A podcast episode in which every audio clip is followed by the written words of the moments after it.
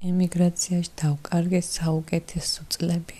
საუკეთესო ჩემი საუკეთესო წლები დავკარგე ემიგრაციაში. ემიგრაციაში დავკარგე. იმის ყურება თუ როგორ იზრდებოდა ჩემი შვილი. ყველაფერი დავკარგე ემიგრაციაში აბსოლუტურად. ჩვენ ემიგრანტებს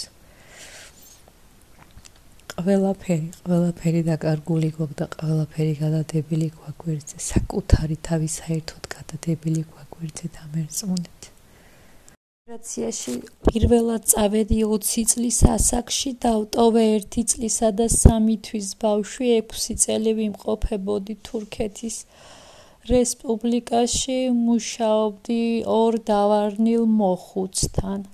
6 წლიანი ემიგრაციის შემდეგ დაუბრუნდი საქართველოში, ჩემს დაბრუნების შემდეგ მალევე დაიწყო პანდემია, ისევ დავრჩით აი არაფრის garaშე ის დანაზოგიც კი თუ რამ გაგვაჩნდა ანუ ამოვწურეთ ის ის პანდემიიდან გამომდინარე.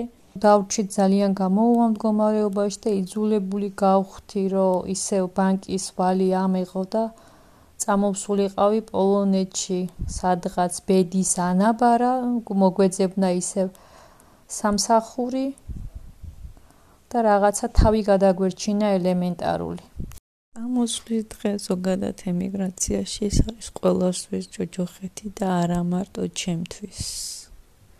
ყველა ყველა ემიგრანტი ქალის ასვის გადაკვეთის დროს თვალცრემლიანია. ყველა იგლეჩვილს ტოვებ ყველაფერს და მიდიხარ სადღაც. გაურკვევლობაში, სადაც წარმოდგენა არ გაქვს რა დაგხვდება იმ ეტაპისთვის. ვეთფრენში ასასვლელი კიბეები არ ვიცი. ყველაზე ბოლოს მე მგონი მიავედი. ნახევარი საათი, ნახევარი საათი დამჭირდა ალბათ. ფეხები უკან უკან მრჩებოდა 1% რომ იმის შანსი მქონებოდა ელემენტარული რომ საქართველოში თუნდაც რაღაცას ნახავდი ისეც რომ მემუშავა. რაღაცა რო ოჯახში შემეტანა.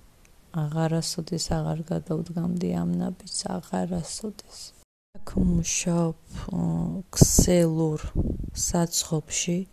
სადაც ცხება ტკბილეული და ამარაგებს სუპერმარკეტების ქსელს. პირობებზე რა გითხრათ? ჩამოსული ხარ ემიგრანტი ხარ? თუ თუ სადმე რთული სამუშაოა თუ სადმე ძნელი არამე გასაკეთებელი, რა თქმა უნდა, ყველაფერი ჩვენი გასაკეთებელი ხდება. მუშაობ 12 საათიან გრაფიკს, დილის 5-ის ნახევარზე. დგებით 6 საათზე უკვე იწყება ჩვენი სმენა. დილის 6-დან საღამოს 6 საათამდე ვმუშაობთ, მხოლოდ ნახევარი საათი გვაქვს შესვენება. ერთხელ დღის განმავლობაში. არ არ გვაქვს ტელეფონის გამოყენების საშუალება მთელი დღის განმავლობაში და 12 საათის მანძილზე თუ არ ჩავსვლით იმ ნახევარ საათს შესვენებისთვის, აა ვდგავართ ფეხზე.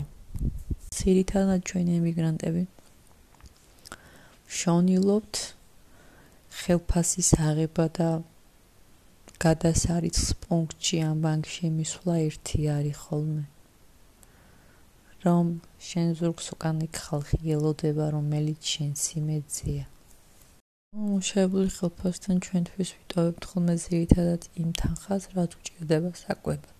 სამსახური სახლი მოწესრიგება დაძინდება ზირითადად ეს არის ჩვენი ყოველდღიურობა, ყოველდღე ერთი და იგივე 12 საათი ნამუშევარი არა მგონია რომ ვინმე შემდეგ რაღაც ანგართობის არაღაცის სურვილი კონდეს სურვილიც რომ კონდეს საკუთარ თავს ვერ მისცემ უფლებას.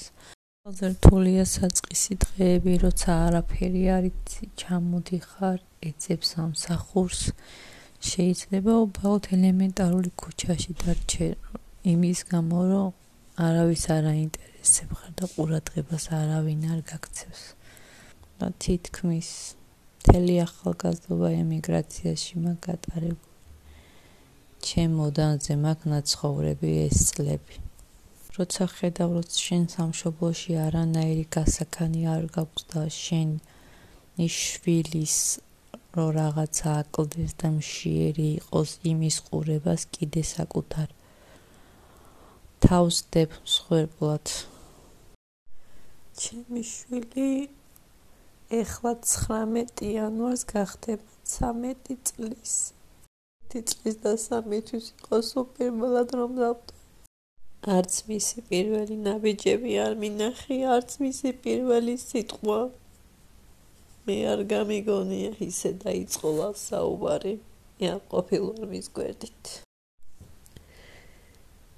პანდემიის პერიოდში ეხლა ორი წელი მომეცა 2019 და 2020 წელში ჩემი ჩემი შვილის გვერდით ყოფნა. 31 წლის მანძილზე თუ არ ჩავთვლით ბავშვობის წლებს ალბათ ეს ყველაზე ბედნიერი ორი წელი იყო მიუხედავად იმ გასაჭირისა რაც საქართველოსში იყო პანდემიის პერიოდში. ჩემი შვილის სურნელი ეს ყველაზე ბედნიერი დღეები იყო ჩემ ცხოვრებაში. ეხლა არის ბებიასთან და ბაბუასთან. ესე ძალიან დიდი იმედი იმედია ჩემთვის, რომ იმის არ მეშინია, რომ ჩემ შულს არავინ არ შეხედავს. ემიგრაციაში ყოფით მე შემიძლია ესე ვთქვა, რომ მე გადავარჩინე ჩემი ოჯახი. რომ შევძლო დაბრუნება ელემენტარული სამუშაო პირობები სამსახური გჭირდება 30 წელს გადაცილდები 31-32 უკვე თითქმის ყველგან ვარს გეუბნებიან რომ შეიძლება ვერ გავაძლიერე ესე რომ თქვა და რაღაცა ისეთი ნიშნულოვანი ვერაფერი ვერ შევეძინე მაგრამ იმის მაინც არ მეშინოდა ხოლმე რომ ელემენტარული ჩემშულ საკვები არ ექნებოდა. რო თქვა რომ კონკრეტულად კიდე რამდენ ხანს გავჩერდები არ მაქვს ეს პასუხი. ყოველ დღე ყოველ დღე იმას ვფიქრობ და ყოველ დღე იმაზე ოცნებაში ვითენდება და გვიღამდება რომ ბილეთი ავიღოთ და უკან დავბრუნდეთ საქართველოს ჩვენ მხოლოდ გჭირდება სამუშაო ადგილი. მთელი ახალგაზრდობა ნახევარი საქართველოს ქალები, ყველაზე ძლიერი ქალები მსოფლიოში. სხვა სხვა ქვეყანას, ხვის შვილებს ვახმართ. ჩვენ ჯანმრთელობას და ჩვენ შესაძლებლობებს.